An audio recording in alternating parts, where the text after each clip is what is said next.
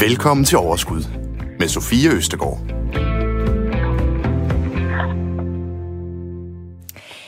På en kold januardag, lang tid før vi kendte til corona, var en lille sø i en lille by frosset til is. Den frosne sø fik mange nysgerrige børn og voksne til at stoppe op, men ingen vågede sig ud på isen. Udover en enkelt person, som efter at have afprøvet isen, drønede hjem efter sine skøjter. Det inspirerede de næste forbipasserende, og kort efter så sluttede de sig til. Som dagene gik, blev den lille sø i den lille by pludselig et samlingspunkt for byens beboere og for dem, der aldrig havde skøjtet før.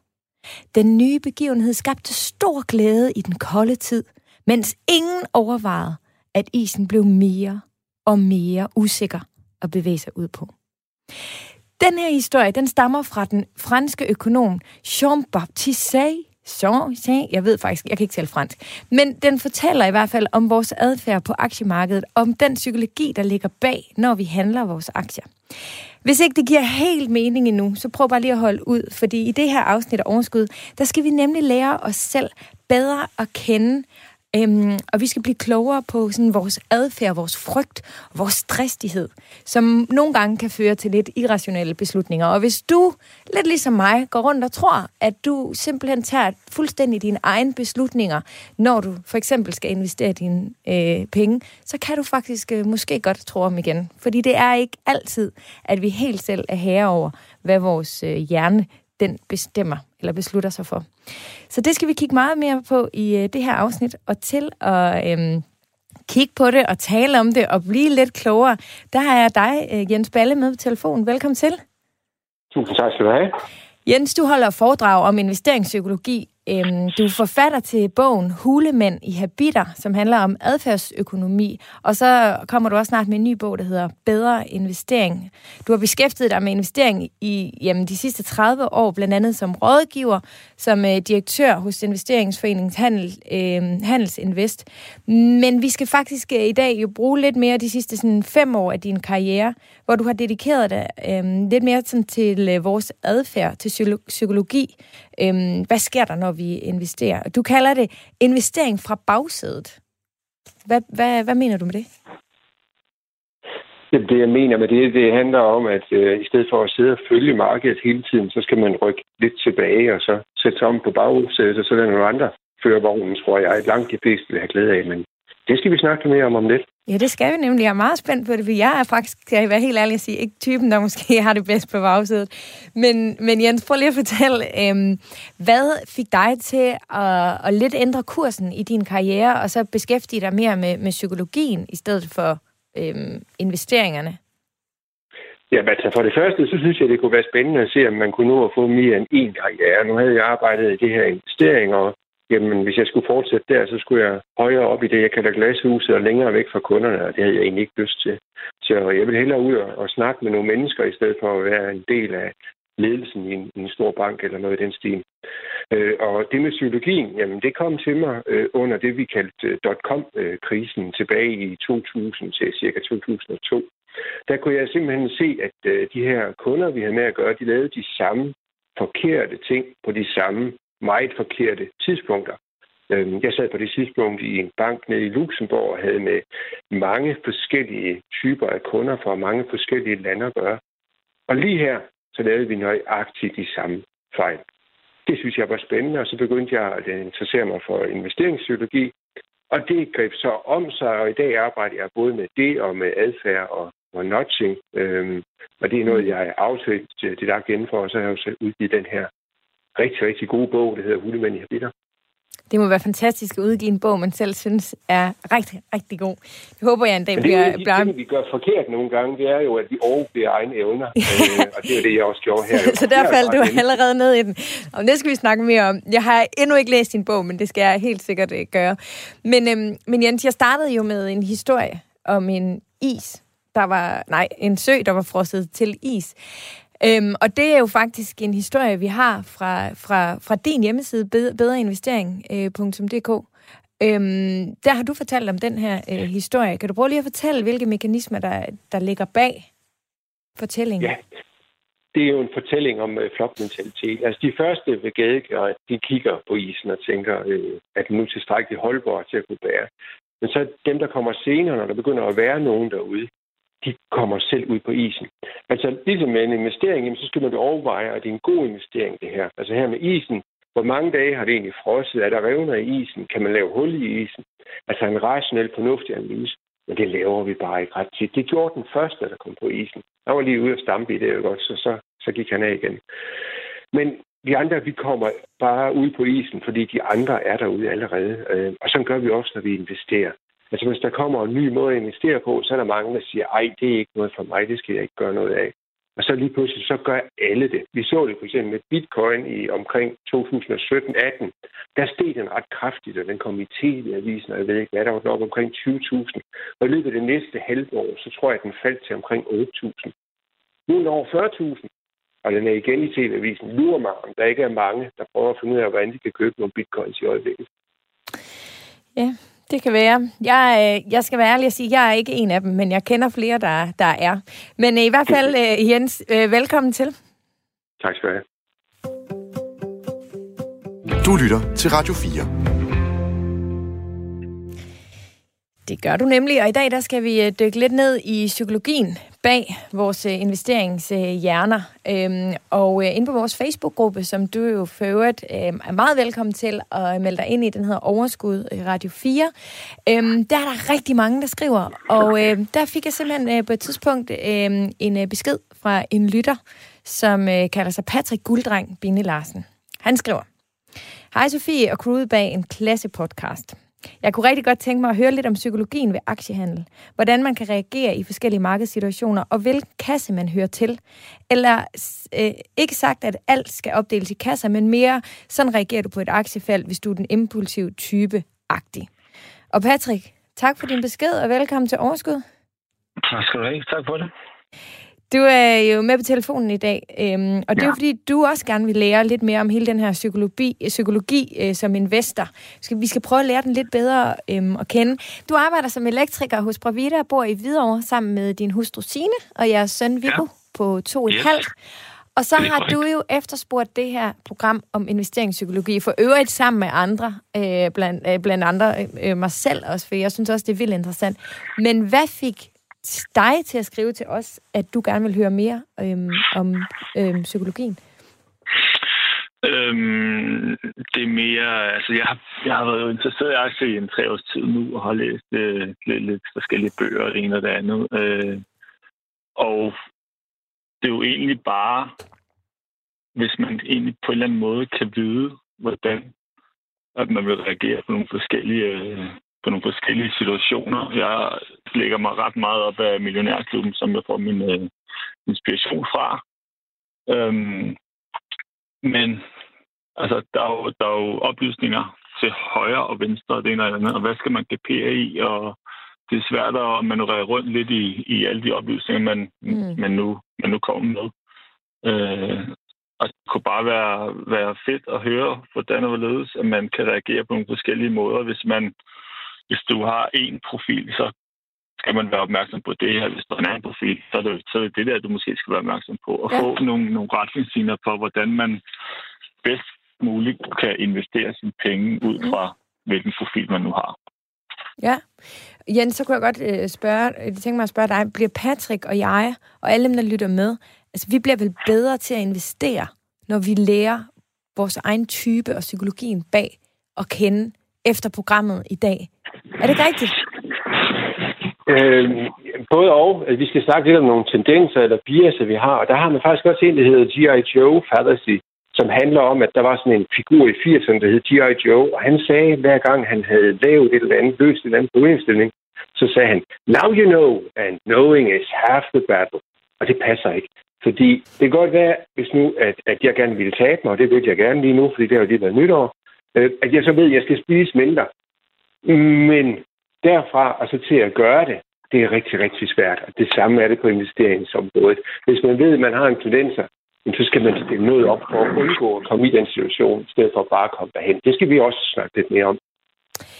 Og det vil jeg glæde mig til øh, at dykke ned i. Og jeg vil jo også lige øh, for god skyld med det samme sige, at vi sidder jo ikke sammen. Og det er jo på grund af de restriktioner, der er lige nu. Det betyder altså også, at det kan være en lille bitte smule øh, svært, øh, hvis man gerne vil, øh, vil på banen, om vi kan komme til at afbryde hinanden. Men sådan er verden altså lige nu. Vi får det bedste ud af det. Og heldigvis så har vi et spændende emne på programmet, så jeg er sikker på, at det hele nok skal blive super godt alligevel.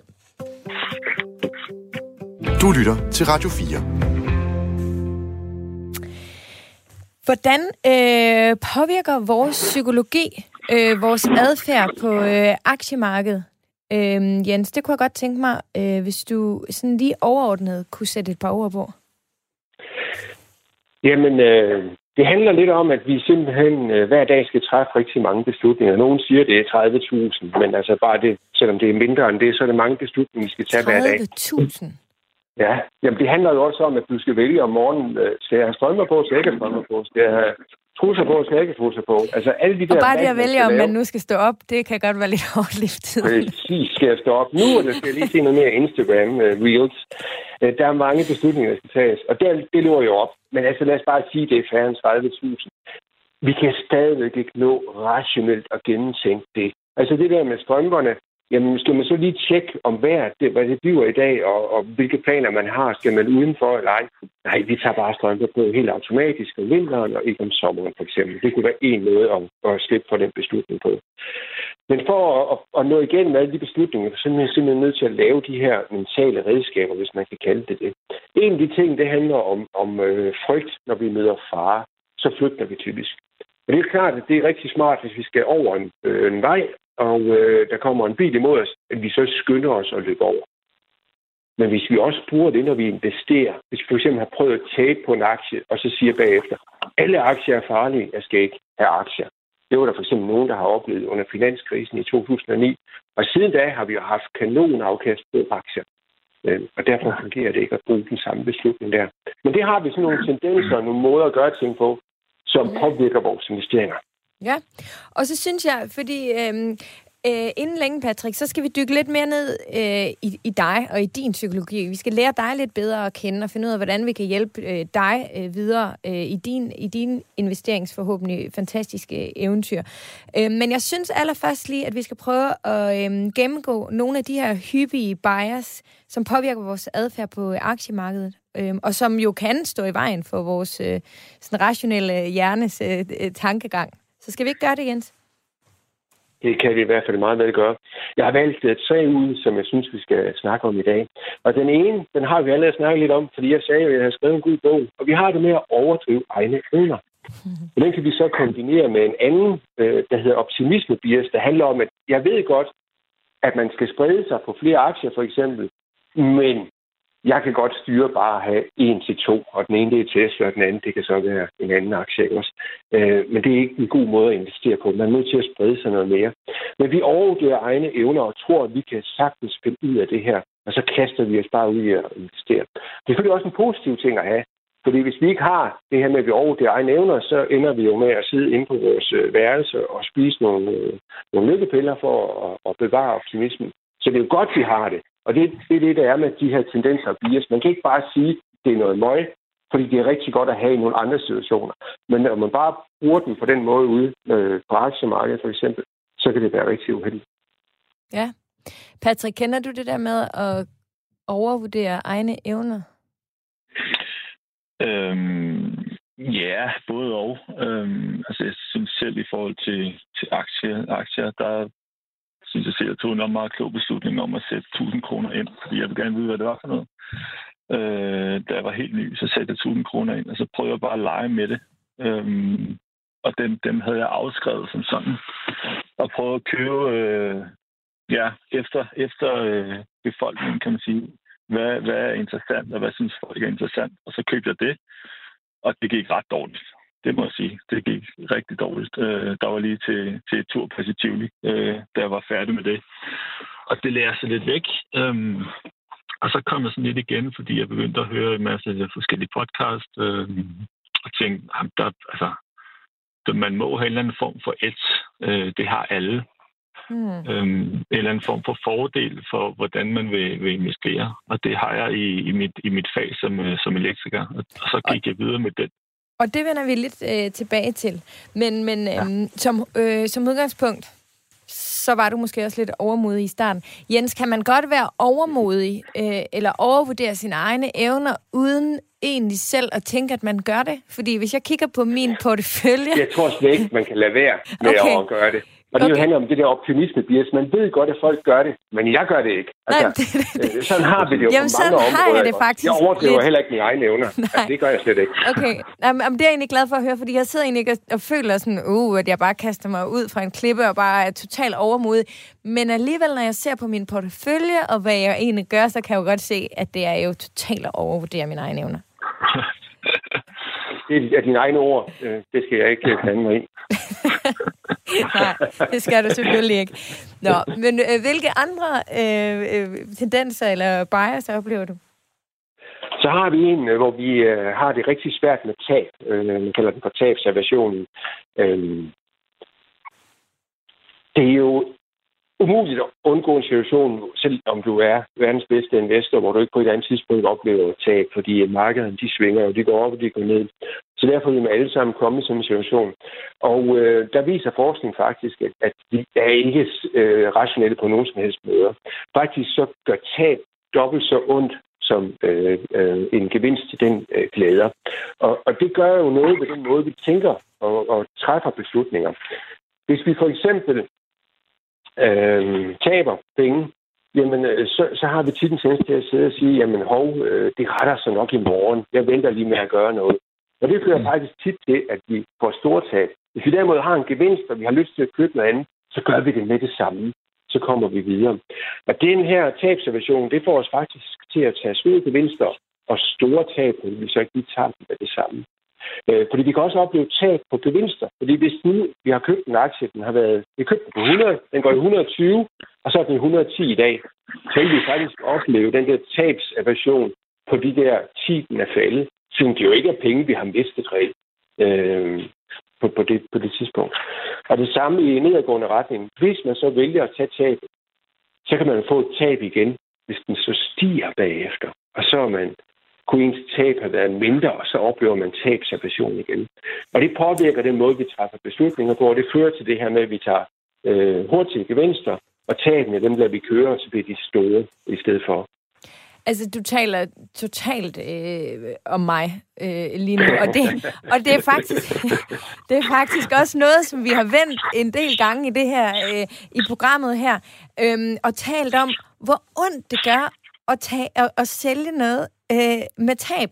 Og, og faktisk, ja. øh, så skriver Janne øh, Toft Jensen ind på vores øh, Facebook også, øh, jeg synes godt, at vi kan tåle at høre lidt mere om den psykologiske barriere imod at sælge en aktie med tab. Det er helt vildt, så meget det er mig imod. Altså, og der er jeg totalt på, på Jannes hold øh, her. Er du også til, Patrick? Ja, det er. Det er selvfølgelig er det. Altså, det er aldrig, det er aldrig fedt at se røde tal. Øh, man vil helst se grønne tal, og så er man jo bare glad i låget øh, ja. den, den, den, den respektive dag. Ikke? Jo. Øhm, men altså, øh, Jens, Janne, hun kalder det her for en psykologisk barriere. Kan den her øh, barriere begrundes med den her tabservation, som du også taler om? Det vil jeg vurdere, den kan. Det er okay. den, der kommer i spil, ikke også? Ja. ja. Hvad skal vi gøre?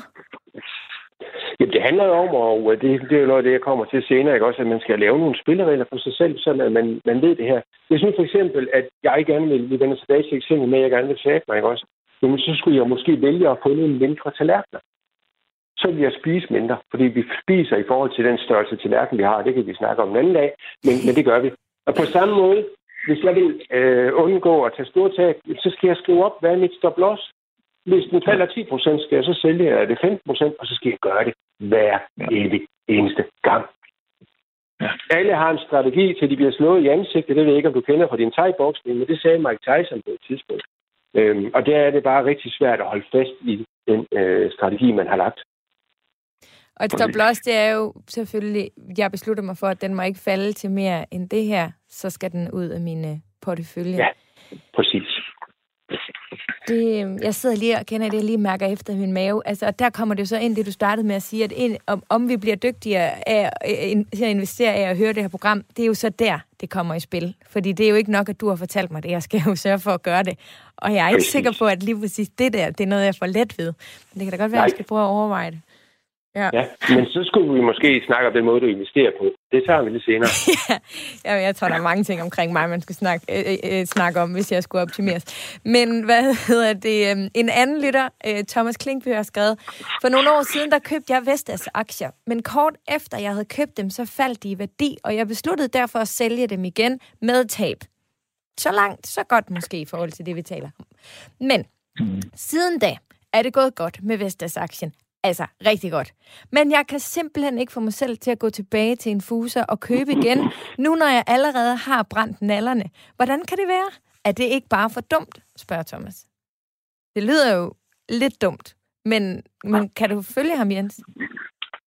Altså, det er jo meget smart, at vi har bygget det her ind. Hvis man engang har lagt hånden på en øh, kogeplade og har mærket, at hov, der kæft, den er varm, det brænder jeg mig ved. Hov, nu skal jeg have koldt vand på, og måske have en forbinding.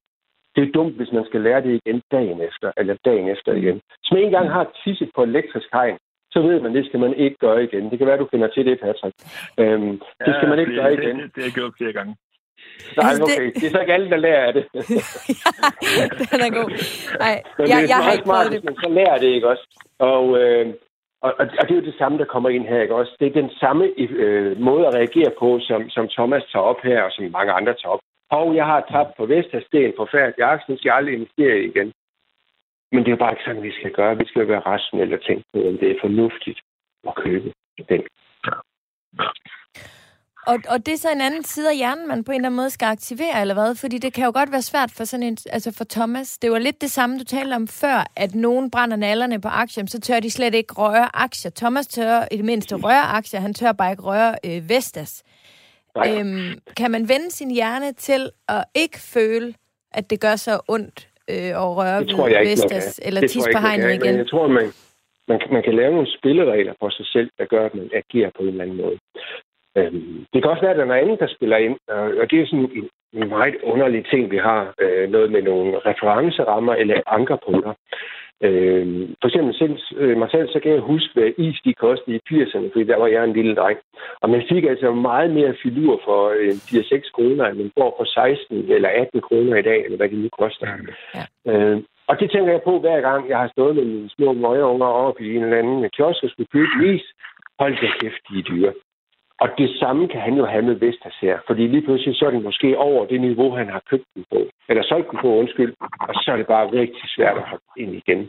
Øh, men de her referencepunkter, det kan vi ikke bruge til en skid heller, fordi bare fordi du kan huske, at Vestas har været i 60, eller hvad det nu var i dengang, så er det jo ikke sikkert, at den skal det igen. Vi skal kigge fremad også. Ja. Uh, ja, det skal vi. Så er det bare, hvordan man gør. Men det må man jo... Ja. Det er så også helt naturligt. Øh, CBS, der har nogle forskere, de har lavet en undersøgelse, hvor de kiggede på de danskere, der tabte penge på bankaktier under finanskrisen. Det er så typisk folk, der boede i Roskilde eller i nærheden af Odense, eller de banker, der krakkede. Og der kan man mm. simpelthen se, at de her mennesker, de investerer meget mere forsigtigt i dag. Mm. Så det er jo også, det er jo, hvis jeg lige måske, det er jo en læringsproces, som bliver gået igennem. Og ja, ja. det er også det der med, det ikke... med hegnet. Ja. ja, men det er jo ikke sikkert, det er rigtigt. Den fejl, vi lavede dengang, hvis de har tabt store beløb på Roskilde Bank, det var at investere for meget i Roskilde Bank. Så skal de ikke lade være at investere i aktier. Ja. De skal lade være at investere for meget i Roskilde Bank i stedet for. Ja. Det skal være ja. læringsprocessen. Og den er bare rigtig svær at koble fra, fordi aktier er jo aktier, tror man. Ja, det er en god pointe. Nå, nu skal vi holde overblikket her. Vi talte om øhm, øh, det der med at overvurdere egne evner, det var den første bias, du ligesom talte om. Så var det tabsaversion, har vi været igennem også nu. Har du øh, et bias mere, vi lige skal gennemgå? Ja. Og der vil jeg tage fat i flokdyr flokmentaliteten, som vi jo talte om i starten med det her eventyr og, og det med at stå øh, på skøjter. Vi kender det. Hvis man er sydpå, og man går ned øh, ved havnepromenaden med en masse restauranter, så står tjenerne ude foran og siger, kom ind og spis, kom ind og spis. Og så får man altid et bord ud af vinduet, fordi så sidder der nogen derinde. Og så tænker de næste, øj, det må være godt, der skal vi ind og spise. Så vil de også ind og spise. Det er også derfor, at hver gang vi har købt et eller andet, ligegyldigt hvor det er henne, så får man øh, to mails fra dem, der har solgt det, og så bagefter på snor, der spørger, hvad synes du om vores service? Det er jo fordi, så kan de sige, at rigtig mange er tilfredse med at bruge på snor, selvom man slet ikke møder på snor, fordi jeg henter det jo ned på 7-Eleven, eller hvor det nu ender hen. Mm. Så det er jo meget interessant. Så det er flokmentaliteten. Alle andre er tilfredse. Det vil du også blive, hvis du gør det her. Og det påvirker os også, når vi investerer. Så løber vi efter de her bobler. Tesla, jeg siger ikke, det er en boble, men vi løber efter de her store, hypede ting, øh, som for eksempel kunne være sådan noget som, som, som Tesla måske. Det ved vi jo ikke endnu. De tjener jo ikke penge, for eksempel. Det plejer at være en god øh, pointe for mange virksomheder. Eller bitcoin, hvor man jo også kan diskutere, har det en reel værdi? Det ved jeg godt, jeg er old economy, men, men jeg tillader mig at sige det og stille spørgsmålstegn ved det. Ja. Jamen her må du tillade dig alt. Vi ved alle sammen godt, at man jo selvfølgelig skal tage sine egne beslutninger, når det kommer til investeringer. Uanset ja. hvem der siger øh, hvad. Jeg kan ikke lade være med at tænke på, er der noget med, Jens, den her flokmentalitet? Og øh, nu er det jo bare øh, mig, der tænker, og det kan være, det er sindssygt dumt tænkt. Er der et eller andet med, at, man, at det er federe at gå... Altså, hvis nu det skal ramle, og man går ned, og man taber en masse penge, jamen, så er man i det mindste øh, sammen med andre om at gøre det fælles. Eller sådan, Præcis. Det... Præcis. Det kalder man faktisk også for lemming-effekten, fordi lemmingen, der går den der historie med, at de løber hen over, hvis det så, øh, når de er på vej fra A til B, hvis det så er en flod, så kaster de sig bare ud i den, og så dør de alle sammen. Og det gør de, selvom de måske kan stå og tænke, øj, det er da egentlig dumt. Om de andre gør det, så gør jeg det også. Øhm, så, så det siger man, de gør. Ja. Og, og det er det samme her. Altså hellere tage fejl sammen med andre, øhm, end at risikere, fordi du går den egen vej, at tage fejl alene. Ja. Fordi så kan du altid sige, at de andre gjorde det jo også, ikke også? Altså, min teenager søn, der gik med de der bukser, der hang ned mellem knæene næsten. Altså, øh, han vidste da godt, det så dumt ud, for det har jeg sagt ham tusind gange. Men han gjorde det jo, fordi så gjorde han det samme som de andre. Og vi er jo helt sikre på, at din mening selvfølgelig var det, han synes var det rigtige. Det mener, egentlig, når jeg er den hippe far. ja, jamen det, er, det er jeg faktisk overhovedet ikke i tvivl om. Øhm, Mia Nielsen, hun har skrevet til os ind på Facebook-gruppen. Øhm, jeg skal stå meget imod FOMO-følelsen. Når alle andre har haft en vild optur på en aktie, skal jeg virkelig bide tænderne sammen for ikke bare at hoppe hovedløst ind de gange, jeg har, har gjort det, øh, har nemlig ikke været en positiv erfaring. Men dem har jeg selvfølgelig også lært noget af løbende. Så den der FOMO-følelsen, den er ikke så dominerende, trods alt, som den har været. Og det er jo den der fear of missing out. Og ja. det er vel også lige præcis det, vi taler om her, Jens, ikke? Jo, det handler jo selvfølgelig om, at, at øh, andre gør det, og, og, og der er mange, der gør det, og man hører mange historier om det, ikke? Også, så, så stiger den her fear of missing out, øh, fordi man hører det mange steder. Øh, men øh, altså igen, fordi der er mange ude på en øh, is, øh, så er det ikke sikkert, det er sikkert for alle at, at gå derud bagefter. Og så har vi det jo også det der med, at vi tror, at vi er de første, der gør ting. Det kan vi godt lide at gøre. Det, det, det, det er bare ikke så tit, det sker. Men det ville jo være dygtigt, hvis man kunne være den første, der gik ud på isen, og så kunne tjene penge på, at alle de andre også kommer ud. Altså, det, det er jo det, vi jo i virkeligheden alle sammen gerne vil. Er det ikke rigtigt, Patrick? Jo, jo, Lige præcis. det er det, det nemlig. Og det er jo Jens, det, det, der skal få os til at forstå, hvordan vi gør. Øhm, et lille, øhm, ikke, ikke noget pres ellers, Jens, men øh, pa- Patrick, er du, øh, er du typen ligesom øh, Mia, der er bange for ligesom at... Og, og, altså, har du også den der FOMO-følelse? Kan du, kan du genkende den? I starten, ja, helt sikkert. Øh, jeg havde et eksempel med BO, for eksempel. Den faldt fra 180 til 60. Øh, og så var der en veninde, der skrev, har du set BO? Den er helt nede. Så, okay, 60 kroner, hold kæft. Den er kommet lige fra 180 til 60. Så må jeg jo lige købe nogen. Fordi det er jo ekstremt billigt jo, i forhold til, hvad kursen var før. Og det var bare hovedkulskastet ud i det, og så købte man det. Så øh, faldt det jo yderligere øh, til, var den helt nede på 10-12 stykker. Mm. Øh, fuldstændig vanvittigt, og tænker, okay, det, er det ved at gå konkurs, og den er lødes, og så hørte jeg lidt omkring det, og blev lidt klogere på det også, og så steg den til omkring 20, og sagde, okay, nu sælger jeg bare, fordi jeg gider ikke at have den. Altså, det giver ikke nogen mening at have den. Det kan godt være, at man lider tab. Fint, så må jeg ud den. Men så må jeg også komme videre, fordi altså, ja. det, det, det er ikke... Ja, sådan er det bare. Men jeg er nok mere, hvis jeg skal kategorisere mig selv i en af de tre øh, adfærdspsykologiske kriterier, så er jeg nok den optimistiske og modig? modig, ja. Men Ja. ja. jeg føler også, måske overmodig, øh, men jeg føler også, at jeg har en form for, jeg føler også, at jeg har en form for edge i det erhverv, jeg nu er, og er ret interesseret i el, sjovt nok, og i, i, i lys. Øh, sådan ting, som gør, at det kan gøre verden bedre på sigt. Og faktisk, øh, så kunne jeg godt øh, tænke mig at høre lidt mere netop om dine investeringer lige om et øjeblik. Du lytter til Radio 4. Fordi, Patrick, du har jo været en lille smule inde på det. Øhm, ja. Du er måske den modige. Måske er du lidt ligesom mig, den der, der... Øhm, måske... Øh, øh, øh, ja, det ved jeg ikke, hvordan man... Altså, at vi måske er lidt for overmodige. Måske. Mm, Ja, både og. Ja. Jeg prøver i hvert fald at være på forkant med mine investeringer i Du prøver forhold at være til på blokken. forkant. Ja. Så lad os lige forstå. Du har øh, handlet aktier. Hvor længe? I, hvad er det, to, to og et halvt år, to år, to og et halvt år. Ja.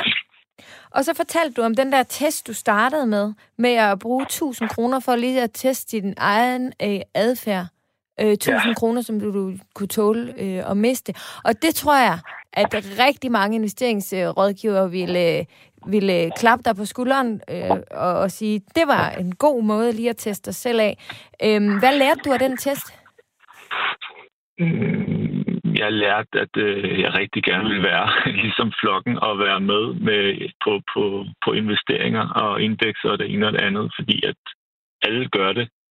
Eller der er rigtig mange, der gjorde det, og alternativet for at få afkast i banken, den er jo lige nul i dag, for hvis du har nogle penge i banken. Det giver ikke nogen mening.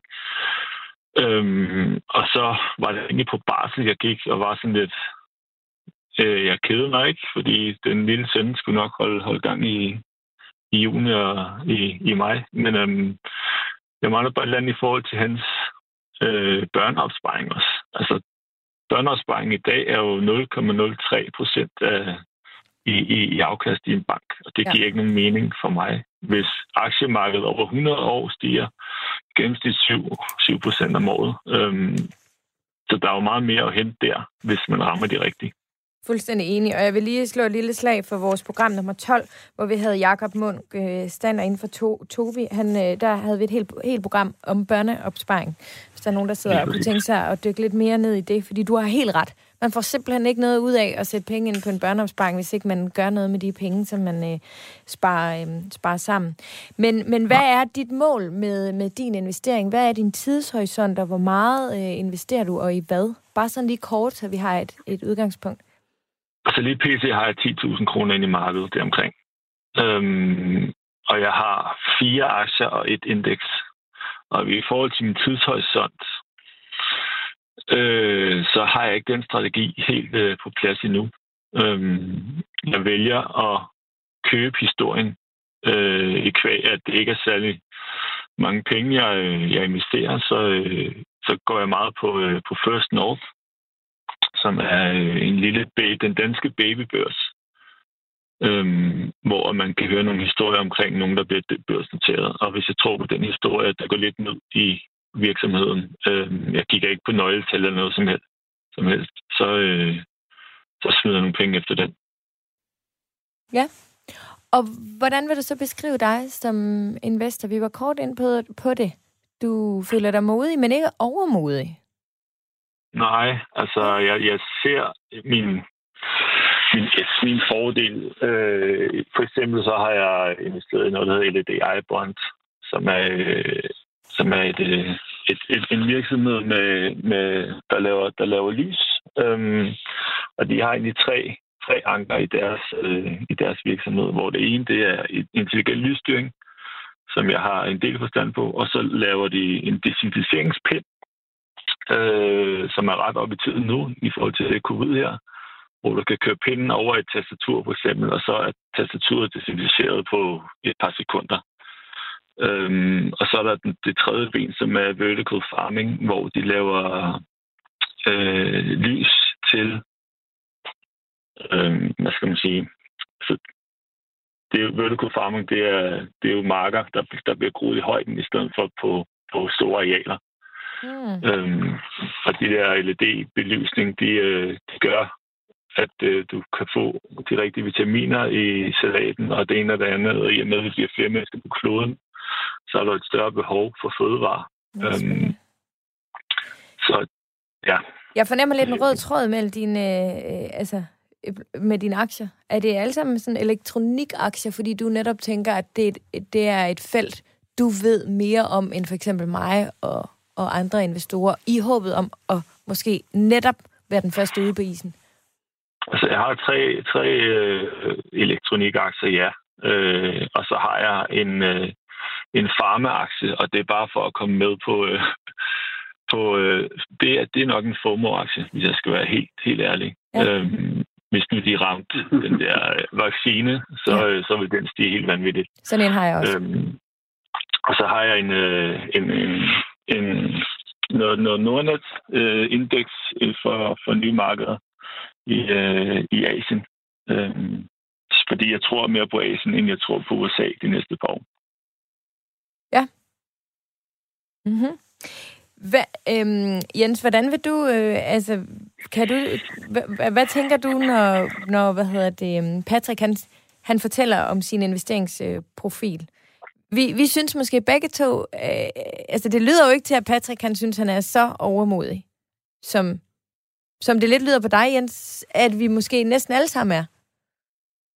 Ja, altså, det var også det, jeg sagde tidligere med, at det der med at være overmodig, det er jo sikkert, at man selv kan se det, fordi det er jo en del af det at være overmodig. Men kan du se, at Patrick er det, eller hvad? Fordi for mig lyder øhm, det da egentlig rimelig sådan stabilt og gennemtænkt med, med, med, sine, med hans elektronikaktier.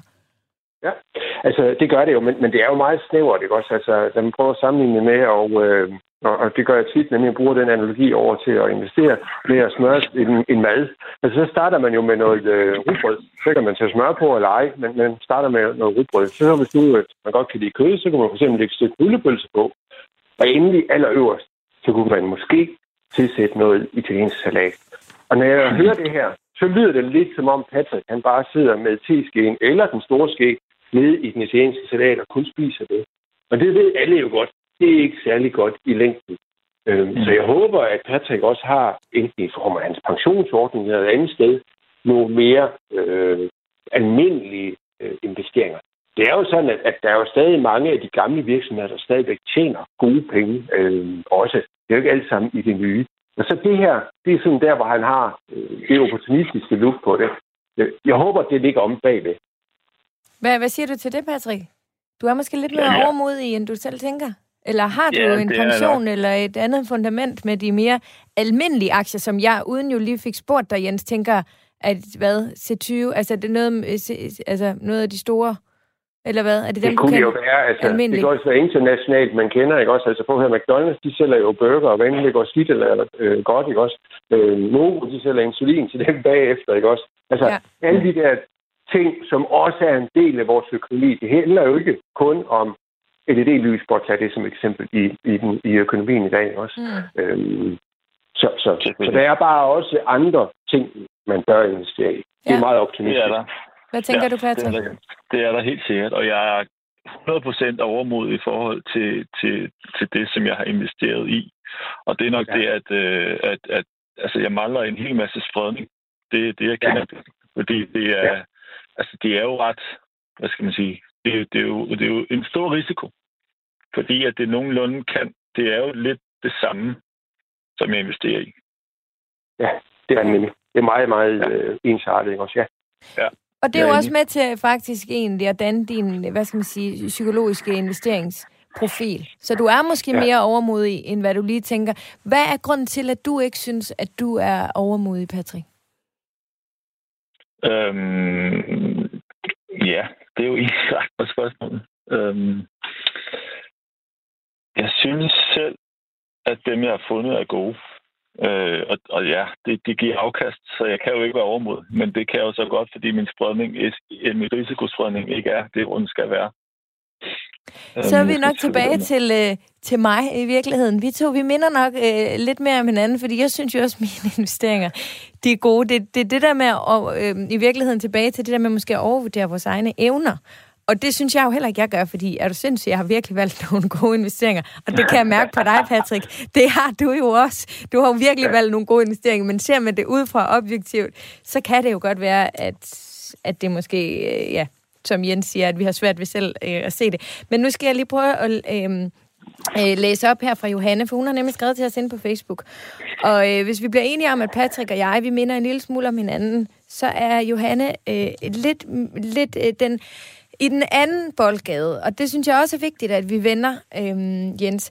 Johanne Salten, hun skriver, jeg bøvler lidt øh, med tålmodighed i forhold til købspris. Jeg bliver simpelthen så nervøs, når jeg har sagt, at jeg vil købe en aktie til x antal kroner, og så den stiger to sekunder efter, øh, og handelen derfor ikke går igennem. Så starter der sådan lidt en priskrig hos mig mod mig selv, frem for is i maven, og bare vente til den pris kommer igen, hvilket den jo ofte gør. Det er jo lidt en anden ja. måde. Altså, jeg skal sige, jeg køber altså 99 procent af alt, hvad jeg køber, det køber jeg bare til markedsprisen. Ja. Fordi jeg vil have det, og jeg vil have det nu, og det skal være i min portefølje, ja. og så er jeg fuldstændig ligeglad, hvad der sker lige om lidt. Ja. Men det gør Johanne ikke. Øh, og der tror jeg altså, Johanne taler for mange, det her med, uh, er det nu, eller hvad skal jeg, altså, skal jeg vente? Ja. Hvad, hvad handler, hvilken bias handler Johannes situation her? Jamen altså i virkeligheden, så handler det jo lidt om det, vi talte om tidligere med øh, ankerpunkter, ikke også? Fordi hun så siger, jamen hvis den kommer, øh, hvis jeg kan købe den på 80, så vil jeg gerne have den, og så begynder den at stige over 80 og, og, og, og højere op. Øh, og så, så er det, hun har givet sig fast i det her ankerpunkt fra tidligere. Men, men jeg vil egentlig anbefale, at hun får en, en, en strategi, hvor hun siger til sig selv, jamen hvis jeg har valgt, at jeg vil købe en aktie, så skal jeg bare købe den.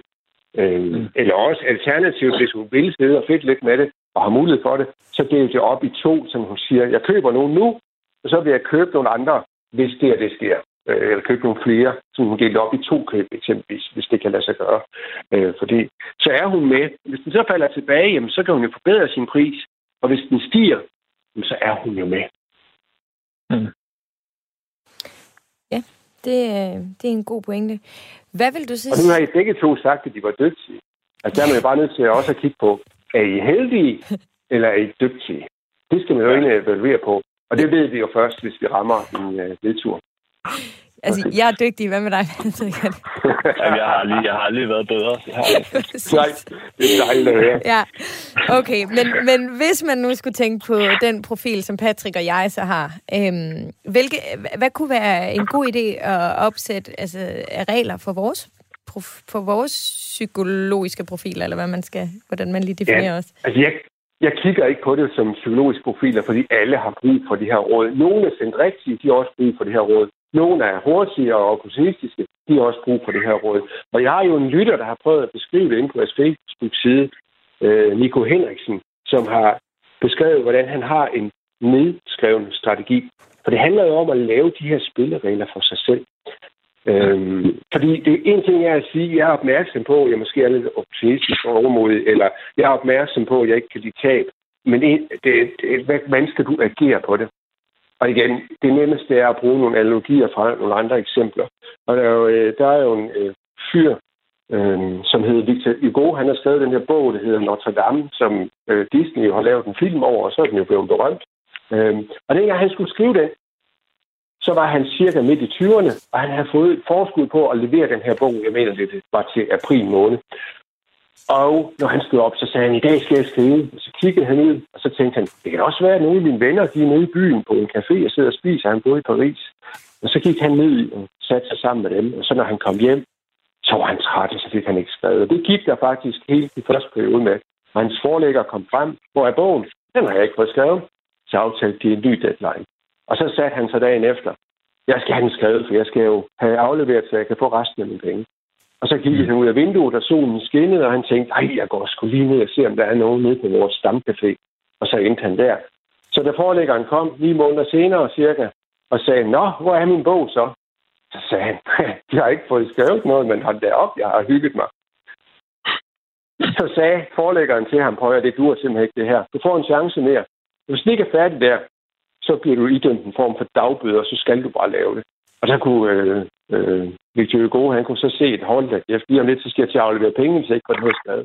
Så hver morgen, så afleverede han sit tøj til deres stuepige, og så iførte han sig sådan en, en form for en datidens øh, onesie, sådan en, en helt dragt. Øh, og så satte han sig ned og skrev om, og ved sekstiden, så fik han udleveret sit tøj, og så kunne han gå ned på café. Og han fik afleveret bogen til deadline, slap for at betale de her dagbøder. Det er ikke det, I skal. I skal ikke øh, aflevere tøj og så sidde og handle på Nordnet. Det er ikke det, jeg vil frem til. Men det handler om at lave nogle regler for sig selv, som gør, at man agerer fornuftigt og gør det rigtige. Og det eneste, ja. vi kan gøre her, det er at nedskrive en øh, investeringspolitik og sige, jeg vil gøre sådan her. Jeg vil tage stop loss, når det er sådan her. Skal der være noget om stop profit, altså om tager gevinsterne? Det skal der måske også. Men i virkeligheden så handler det jo om, også om at holde ved sine vinder. Så det kan man jo bare også have som regel, at man skal holde ved dem. Men simpelthen skrive det op. Og så er der en anden ting. Hvor meget tid skal jeg egentlig bruge på at følge markedet? Jeg ved ikke, hvor meget I bruger på at sidde og følge. Hvor tit er I inde i jeres depoter? Ja, altså jeg er inde øh, en enkelt gang i frokostpausen. Der går ind og kigger, ja. hvad, hvad er godt og hvad er dårligt. Øh, men jeg rører det på ingen måde. Øh, jeg, jeg, jeg ser det... bare, fordi jeg synes, det er interessant. Og så hører jeg jo lidt, lidt øh, det forskellige podcast i løbet af dagen. Ja. Og er du inde? Ja, det bliver nok til 5-10 gange øh, om dagen. Ja. ja. og, og, og det er jo også en ting, man skal kigge på. Øh, lad mig komme med et eksempel fra virkelighedens verden. Øh, for 10, 10 år siden under finanskrisen, øh, eller 12 år siden er det jo, der sad jeg som direktør i investeringsforeningen, og jeg var derfor nødt til at følge med i markederne. Samtidig har jeg på min egen investeringsprofil for mine pensionsmidler en regel om, at jeg kun vil investere i aktier. Jeg investerer så i investeringsforeninger eller ETF'er, fordi jeg ved ikke nok om det til selv at sidde og følge, hvad for en aktie jeg skal have, selvom jeg har arbejdet med det i 30 år. Øhm, og, og, og, og den profil havde jeg. og så i marts måned 2009, øhm, der var markedet faldet igennem øh, 8-9 måneder. Det var rigtig negativt. Medierne var negative. Når jeg kiggede på skærmene, så tabte vi penge. Mine kunder tabte penge. Alle var bare trætte af det. Når jeg tændte for tv-avisen, så viste de, hvor meget markedet de var faldet den dag, og hvor negativt det var. Der var bare ingen håb forude, og jeg ved ikke hvad. Så begyndte jeg at sidde og tænke over, og den her strategi, jeg har, er det egentlig den rigtige for mig? Skulle jeg måske have lidt mere i obligationer? Skal jeg sælge nogle af mine aktier? Mm. Jeg valgte ikke at følge det. Og marts måned var jo faktisk øh, lavpunktet for øh, finanskrisen. Og det er jo mere eller mindre over nogle, nogle øh, tidshorisonter, så er det jo stedet siden jo. Øh, så det var kanon, jeg ikke lavede om på det. Og det er det der med, at når man går ind og følger det, når man holder øje med det, så bliver man påvirket. Nogen får lyst til at gøre noget, og det er jo fedt, du ikke gør det, Patrick, fordi det er jo en god måde at agere på. Øhm, og jeg ved ikke, om, om, om du så gør det øh, i stedet for, fordi, men, men øh, man skal bare passe på med at lade sig rive med, når man så er ja. Ej, jeg kan godt... Øh... Altså, impulsshopping, det, øh, det, det sker en gang imellem. Det er ikke noget, ja. der sker dagligt. Jeg er ikke daytrader. Men det Nej. sker en gang imellem. Det skal være helt ærligt at sige. Men jeg vil også sige, at det passer. Øh, Øhm, det har jeg taget en beslutning om, at det passer mig ok. Ja, Fordi og det jeg... kan også være godt, hvis det, man får den information og er tilfreds med det. Ja, Men der, der er faktisk mange, og nogle af dem har faktisk vundet Nobelprisen i økonomi, der har den investeringsstrategi, at de ligger det fast på en måde, hvor de så har den asset-allokering, du vil have fordeling mellem aktier og obligationer, hvad det ellers investerer i. Så kigger de ikke på det i et helt år. Så ja. kigger de på det igen, og så gør de det, der hedder at rebalancere, hvor de så går tilbage til det udgangspunkt, så kigger de ikke på det i et år. Fordi de netop ikke vil rammes af den der følelse og lyst. Kunne du forestille dig at gøre sådan, Patrick? Jeg, jeg kunne ikke. Altså, det skal jeg være helt ærlig at sige. Det er for spændende for mig, og der er også en lille smule... Øh, øh, ja, der er en, jeg kan godt lide at, at, at følge med. Kunne du forestille dig at lade dem ligge i, i, et, i et helt år, Patrick? Nej, det kunne jeg godt nok ikke. Øh, det, det er jo også lidt øh, at have en anden form for spænding i hverdagen. Øh, og det er jo fedt, og det er fedt at følge med i, i, i verden, hvad der foregår omkring en, som man måske kan relatere til på aktiemarkedet. Mm. Ja. ja. Prøv at jeg, jeg gør det heller ikke selv. Jeg følger også lidt med i det, også fordi jeg så synes, at... Det og jeg har jo også... Ligesom er jeg også glad for, at du siger, Jens. Jeg har jo også en holdning, hvor jeg siger, at det kan jeg sagtens håndtere. Det, jeg kommer ikke til at gøre noget forkert, men jeg var jo lige ved det i marts 2009, ja. på det værst tænkelige tidspunkt, så man skal ja. virkelig være opmærksom på det. Og det er jo også en god, en... god måde, altså at man kun, hvis det var, man, man, man gør for meget impuls, uh, impulsivt, ja. er, det, er det jo en, en rigtig god pointe, at man kan komme omkring det på den måde. Jeg kunne godt tænke Præcis. mig, øh, Jens, lige at prøve at høre dig. Øh, øh, hvis man nu er helt ny øh, og for det første ikke lige ved, øh, altså man, man skal jo have, man får lagt sin strategi, og vi taler om, at man, man jo også skal finde ud af sin øh, tidshorisont. Øhm, men måske er man jo ikke øh, helt bevidst om sin psykologiske profil endnu. Har du øh, et par gode råd til, hvordan man også kommer godt i gang, altså på den måde, så man ikke øh, laver alle mulige tossede ting øh, fra starten af, og slår knuder for sig selv og benspænd for sin hjerne? ja, altså man taler generelt om, at man kan måske dele med store op i, i tre kategorier. Man kan sikkert dele dem op på andre måder, men en måde, man siger det på, det er, at man kan dele dem op i tre, hvor man siger, at øh, cirka 10 procent er rigtig gode til at investere og kan finde ud af det. Så er der cirka 10 procent, som tror, at de er gode til at investere, men de er i virkeligheden bare notoriske gambler, der bare hopper med på alt det nye og løber efter resten af flokken. Og så er der cirka 80 procent, som skal have hjælp til at investere. Så 80 procent, det er pænt over flertallet, så vil jeg sige til langt de fleste, de skulle prøve at gå ned ad den vej og sige, jeg skal have hjælp til at investere. Gå ind på en af robotrådgiverne for eksempel, og prøve at tage nogle af de tests, der er derinde, og så følg den portefølje for det forslag, man får, så er man i gang. Når jeg så siger det, så vil jeg også sige, at jeg tror, at langt de fleste, når de tager de der tests, så når de bliver, når man bliver spurgt om spørgsmål, du vil ikke til at forstå risiko. Jamen, så vil de fleste jo sige, nej, det vil jeg ikke. Og så ender man med at få en form for lav risiko. Øhm, jeg tror mm. langt de fleste, de skal lige gå en risikoklasse op, når de investerer. Måske til I to ikke, men, men alle andre. ja. Ja. Er der andet, man skal tænke på som ny... Øhm...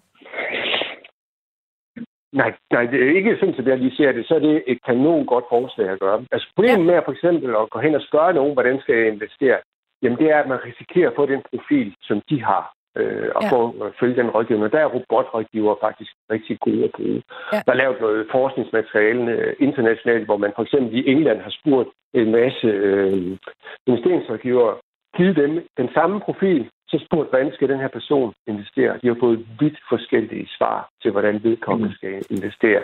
Fordi at vi alle sammen har nogle vinkler, hvor vi ser verden på. Men de har måske også for risikosøgende, dog ikke ved at vælge enkeltstående aktier og sådan nogle historier, men ved at have for meget i aktier. Ja. Og det påvirker selvfølgelig også min rådgivning. Ja, det er klart. Det er, det er også meget interessant. Patrick, øh, hvad tænker du? Er der noget, du gerne vil øh, vende med Jens, mens vi nu øh, har hans øh, kloge hjerne her? Mm, ja, altså, om alt andet, man kan være opmærksom på, hvis man nu er i, i en af de der profiler -agtigt. Altså, selvfølgelig, jeg ved godt, at min risiko er, er meget høj, i og med, at det er et par segmenter, jeg har nogle aktier i. Um, men kan man komme lidt ud over, ud over det og, og tænke i forhold til, altså, jeg ved godt, hvad jeg skal gøre jo, men, ja. men jeg ved ikke helt, hvordan. Øh, Nej, igen, det, mm. Igen, Patrick, vil jeg sige det der med strategien og få den uh, lagt på forhånd, ikke også?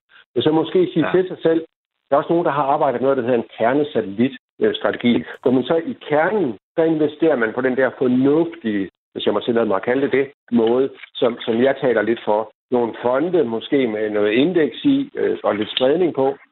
Og så ja. i satellitten, der tager man spillerne. Okay. Så alle dine aktier, det skulle så være i satellitten, og så kan du prøve at overveje at opbygge noget kerne ved siden af. Gå ind på de der robotrådgiver. Jeg tror, det er ned til 250 kroner, man kan starte med. Så lige så stille ja. det op. Bare få en høj risikoprofil også derinde. Altså mange aktier, fordi obligationer, det er jo ikke meget værd at investere i lige nu. Nej, det er nemlig mm. Det lyder fedt. Er der en, øh, altså, ja, der kommer med et link eller andet, det kan man vel finde, eller er det bare robotrådgiver, man, øh, man, man googler, eller hvad? Jamen altså, øh, hvis jeg kan tillade mig at gøre det nemt, så inde på bedre investering, så jeg prøvet at skrive lidt omkring de forskellige øh, robotrådgiver derinde, så kan vi sagtens finde øh, linket også. Øh, jeg lægger et link ud på vores er, Facebook. Ja, de er, ikke så, de er desværre ikke så markedsført, fordi de bliver udbudt af, af nogen, der, der har nogle andre produkter, de tjener mere på. Øh, så, så, så det er ikke så nemt at finde dem. Nej. Jeg øh, forsøger at få samlet nogen og få lagt ind på gruppen. Og så øh, kunne jeg faktisk godt tænke mig, øh, Jens, du refererede selv til Nico, som har skrevet på vores Facebook. Jeg har ja. fundet det frem, han har skrevet. Skal jeg ikke lige prøve at læse det højt? Meget gerne. Efter nogle dyrkøbte erfaringer, så er jeg nu der, hvor en investering skal passe 100% til min nedskrevne strategi og passe med de mål, tal i forhold til selskabernes regnskab. De første par år investerede jeg uden en reel plan, og lidt efter, hvad der var op i tiden. Det gav nogle tab og nogle øverfaringer. Og så hoster han. Host, host, OB Banker.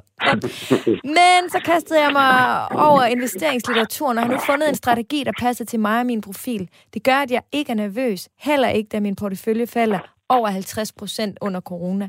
Men automatisering i, at en ny investering skal passe til både strategi og tal, gør, at jeg ikke længere bliver forblændet og jagter kursgevinster, når folk råber Neo eller Gravity og alt muligt andet. Er han eksemplarisk inden for psykologi og investeringer, Jens? Jeg synes, at det her virker som om, at han gør det der med at prøve at opstille de her benspænd. Han prøver at bruge øh, selvnot, hvor man prøver at få det bedste frem af sig selv ved at have lavet de her regler. Øh, og, ja. Og, øh, ja, det er, det er den vej, man skal gå. Det er den vej, man skal gå. Ja. Og øh, nu er tiden gået, apropos at gå. Men øh, Jens øh, Balle, ja, hold da op, det går nemlig virkelig hurtigt. Tusind tak, fordi I vil være med, Patrick øh, og Jens. Jeg sørger for selvfølgelig at linke lidt øh, på vores øh, Facebook. Og så mega meget held og lykke til dig, Patrick, med fremtiden og dine investeringer. Lad os endelig høre, hvordan det går. Tak, fordi du vil være ja. med i dag. Tak, og lige måde. Det var fornøjelse. Og Jens, tusind tak til øh, dig også. Det var meget spændende øh, at lige give det her med psykologien bag vores øh, investeringer øh, lidt opmærksomhed. Så tak skal du have. Jamen, velbekomme. Altid en fornøjelse at være med i sådan noget her. Det er godt. Jeg håber, vi ses en anden gang. Eller snakkes ved Gerne. en anden gang. Måske i virkeligheden også ses. Tak for i dag. Ja, selv tak. Du har lyttet til øh, Overskud med mig, Sofie Østergaard. Husk, at du jo altid kan skrive til os på vores mail overskudsnabelag radio4.dk, og du kan også skrive løs ind på vores øh, Facebook-gruppe Overskud Radio 4. Du er altså også velkommen til at finde mig og skrive til mig på min øh, Instagram. Programmet var tilrettelagt af Maja Christine Grønbæk og mig, afviklet af Maja og produceret af Body Body for Radio 4. Vi lyttes ved i næste uge. Pas på jer selv og have det skønt. Tak for det.